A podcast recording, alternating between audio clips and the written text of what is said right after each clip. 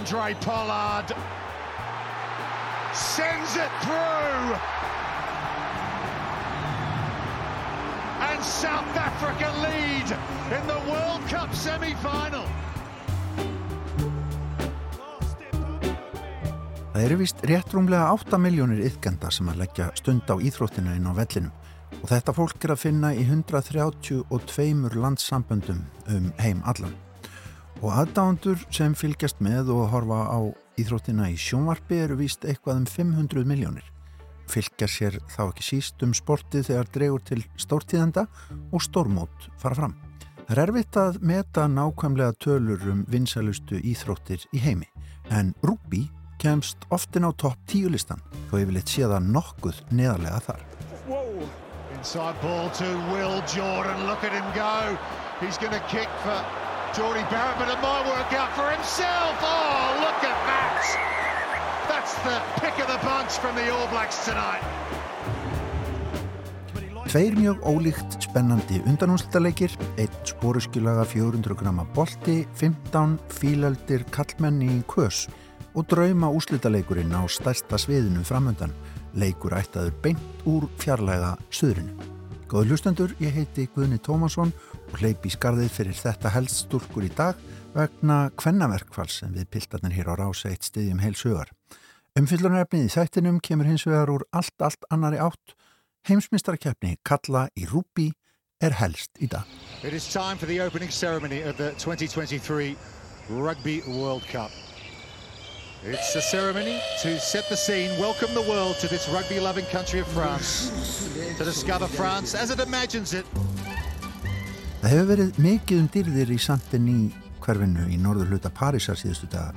Þar innan um hraðbrautir og skrifstofubyggingar rýs upp í heiminin hinn glæsilegi þjóðarleikvangur Frakka. Fraklands leikvangurinn Stade de France. Ótrúlegt mannverki sem hann tekur yfirlega 81.000 gest í sæti. Að ganga að leikvanginum og inn á hann er ógleimanlegt, nánast ókveikjandi, slík er stærðin. Og á þessum velli sem uppálega var byggður fyrir heimsmystaramóti í Knaspinu árið 1998 fóru fram um síðustu helgi tveir undanúslitaleikir. Ekki í fótboltaða þessu sinni heldur undanúslitaleikir á heimsmystaramótinu í Rúbi sem líkt og fótboltamót FIFA er haldið á fjórar á fresti. Þetta er sem sagt heimsmyndstaramótið í því sem kallað er Rugby Union, útgáfu íþróttarinnar sem yfkuð er í 15 manna liðun. Rugby eða rauningur eins og íþróttinu stundum kalluð á íslensku er nefnilega líka til í tviðsasunum sjöleikmanna útgáfu og kallast þá Rugby Sevens. Og þar eru leikinnir stittri og oftast hraðari enn í fullvaksta útgáfinni. Og í sjöleikmanna útgáfinni er íþróttin eiginlega enn vinsætli á áhuga mannasviðinu að mistakosti. Grasrótin öblúri enda líklega mun auðveldra að sapna í lið.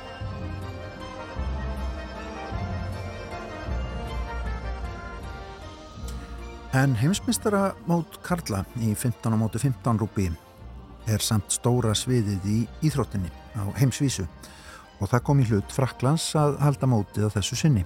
Frakkar eru mikil rúpi þjóð en þetta er vissulega stórmót í heims íþróttunum sem ekki fer mikið fyrir hér á Íslandi og vita séðan nokkur aðdáðandur íþróttarinnar hittist yfir mikilvægum leikjum á Öldurhúsinu hér í Reykjavík. Mótið var sett 8. september síðastliðin og kom það í hlut Emmanuels Macron, fraklandsforsetta, að setja það formlega á tróðfullum statu frans leikvanginum. Fórsetanum var ekki tjærlega vel tekið þarna á opnurháttíðinni þegar frakkar tóku á móti hinnum svartklættu nýsjálendingum og unnuleikin á samfannandi máta. Púa var hraustlega á stjórnmálamannin sem oft hefur notið meiri vinsaldan en með nú. Amis du rugby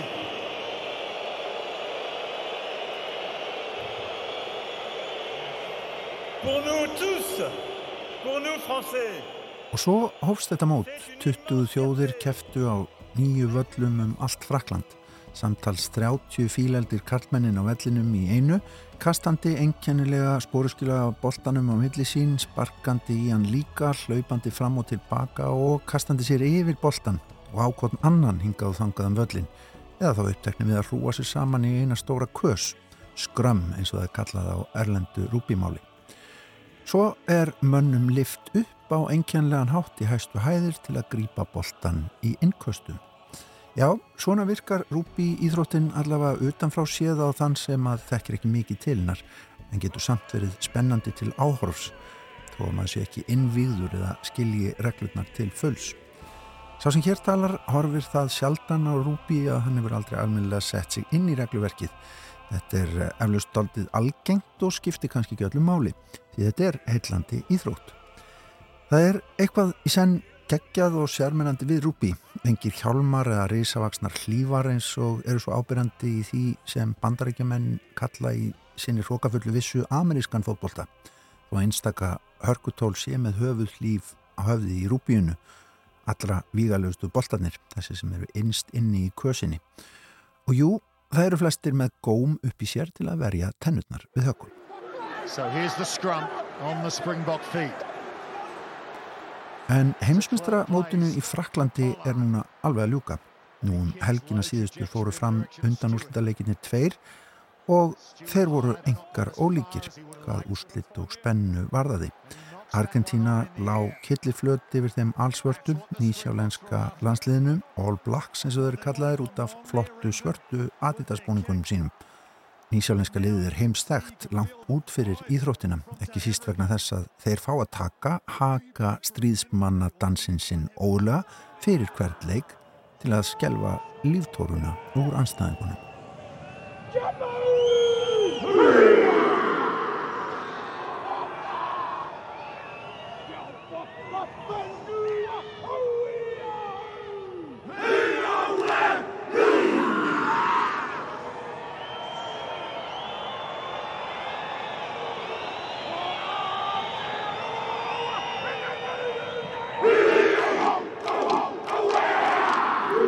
Og þessi nýsjálenski ræðslu áróður verðist hafa tekist með miklum ágætum um helgina.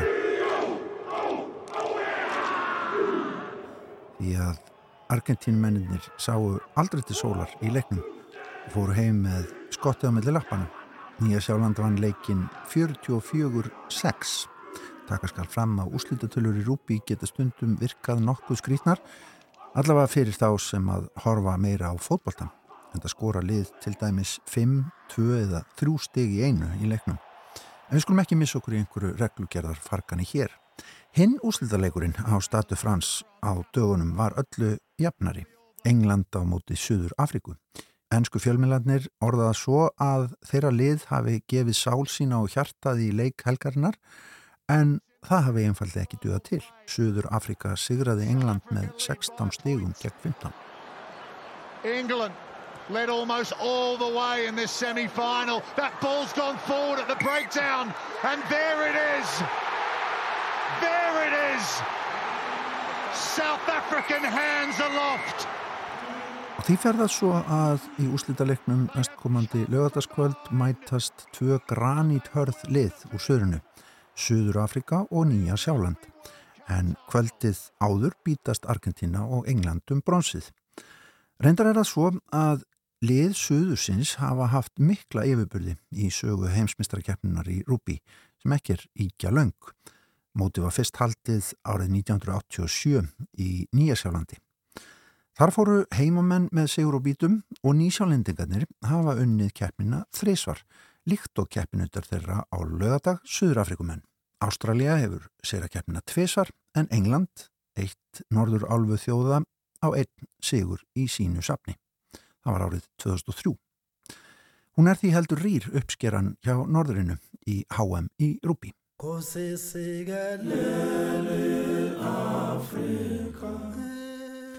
Frægasta heimsmyndstramótið svona sögulega séð er án Eva mótið í Suður Afriku árið 1995 sem fór fram skömmu eftir að heimamenn komu undan þungu fargi aðskilnaðar stefnunar. Þá var það nýr fórseti landsins Nelson Mandela sem að fóri í dökkgræna treyu og aðfendi sínuleiði heimamönnum velunagreipin Webb Ellis byggarinn eftir sigur í úslítalegnum á Nýjasjálandi. Síðar var gerð kveikmyndum þessa atbyrði Invictus heitir hún þar sem Morgan Freeman leik fórsetan en Matt Damon fyrirliða söðurafriska liðsins. Heads up! Look in my eyes! Do you hear? Listen to your country. Seven minutes. Seven minutes. Defense, defense, defense. This is it. This is our destiny. Come Boca! Já, nokkuð hressilega væminn þjóðurnist tóttn í Invictus frá 2009. Dramatísk ræða fyrirliðans, François Pinar sem að Damon legg, en á þessum tíma var vissulega verið að sapna reppóð þjóðinni saman eftir erfið og sundrandi ár þarna undan. En það er sem sagt í uppsiklingu drauma úrslitaleikur á heimsmystaramótinu í Fraklandi, Nýja sjálfanda móti Suðurafriku, sem hittast nú í fyrsta sinn í úrslitum mótsins frá því að Mandela afhyndi byggarinn um árið. Og talandi um Webb Ellis byggarinn, þá eru í ár 200 ár slétt frá því að fadir íþróttarinnar, William Webb Ellis, fann upp rúbið, samkvæmt uppbruna mítunni allavega. Hann var þá nefandi við rugby skólan í samnemdum bæ sem er skamt frá Birmingham á Englandi. Samkvæmt góðsögninni á Webb Ellis þessi sem síðar varð kirkjuna maður að hafa nýtt sér regluleysi knaspinnunar eins og hún var yfkuð á þeim tíma. Hlaupið með boltan í höndunum yfir marklínuna til að skora stig. Á þessum tíma máttu leikmenn knaspinnunar grípa boltan en setja hann síðan niður til að sparka, ekki hlaupa með hann í höndunum. Þessa upprunarsögur úbísins er víst ekki að þetta sanna með nokkrum haldbærum heimildum en það er öllum saman það núna 200 árum eftir uppfinninguna. Íþróttinn er áfram kent við skólan þar sem atbyrðurinn á að hafa gest og við bæinn og velunagreipurinn á heimsvistaramótinu við Guðismannin Knallegna. Heil íþróttagrein fættist þannig upp úr því að brjóta reglur en það stendur á minningasteini við Gröf Williams Webb Ellis í Fraklandi að þar sé minnst þessa manns sem af sínu fínlega virðingarleysi fyrir reglum fótboltans eins og hann var leikin á hans dögum tók boltan sér í hendur og hljóp með hann í mark og skapaði þar með helsta enginni rúbi íþróttarinnar. Minningasteitnin var reistur á 8. áratögnum af námsmönnum rugbyskólans enska. Og nú, 200 árum eftir uppfinninguna, mætast í stærsta leiknum Nýja Sjáland og Suðurafrika sem á titil að verja þessu sinni. Suðurafrikumenn unnu síðustu heimsmyndstarakeppni sem fór fram í Japan fyrir fjórum árum. Leku sér þar að enska liðinu í úslítaleg. Einfrétt skikkir þó á úslítalegin nú en heimsamband íþróttarinnar hefur nú til rannsóknar hvort einn leikmanna Suðurafriku hafi hreitt meðandi kynþáttanýði í einn leikmanna Englands í undanúslítalegnum en það er orðalag sem við endur tökum alls, alls ekki hér í útvarpi allra landsmanna. Við erum ekki nánari þetta. Nefnum bara að mestu leiti hefur tekist ágætlega að reynsa kæfthátt í alþjóðarúbíinu af því að þar eru dómarar vopnaðir hljóðnemum sem að taka upp samskipti þeirra við leikmenn og endur varpaðir síðan ímist í útsendingu eða á vellinum sjálfum. Tilkoma þessara tækni gerði það verkum að jafnvel kæftfórustu kempur leiksins heldu sig á móttunni gagvar dómaranum og fóru ég að bel sumir hverjir að kalla dómaran sör til að samfara hann um hvað þeir væru saklausir. Yes. En að lokum on the shoulders of giants who have gone before them. Two teams of exceptional women will experience a moment... Í tilöfni dagsins. Hvað með rugby meðal hvenna? Jú, íþrótti nýtur alltaf meir og meiri hilli hjá hvennþjóðinni viða um lönd. Fyrsta heimsmyndstarmóndið í 15 leikmanna útgáðinni fór fram árið 1991 en 16 lönd taka þátt í heimsmyndstarmóndi hvenna í dag sem allega jafna fer líka fram á fjögur ára fresti. Það nýsjálensku eru lang, lang sigursælastar meðal rúpi hvenna með 6 titla á sinni skrá.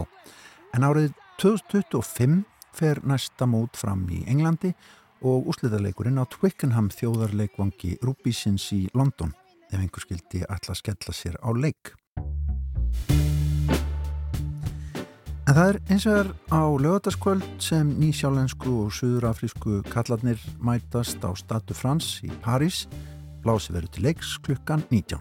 Ég heiti Guðni Tómasson og ákvaða að fylla stort skarð þetta helst dúósins, sunnu og þóru með smá helst samantækt um heimsmystaramótið í Rúbi.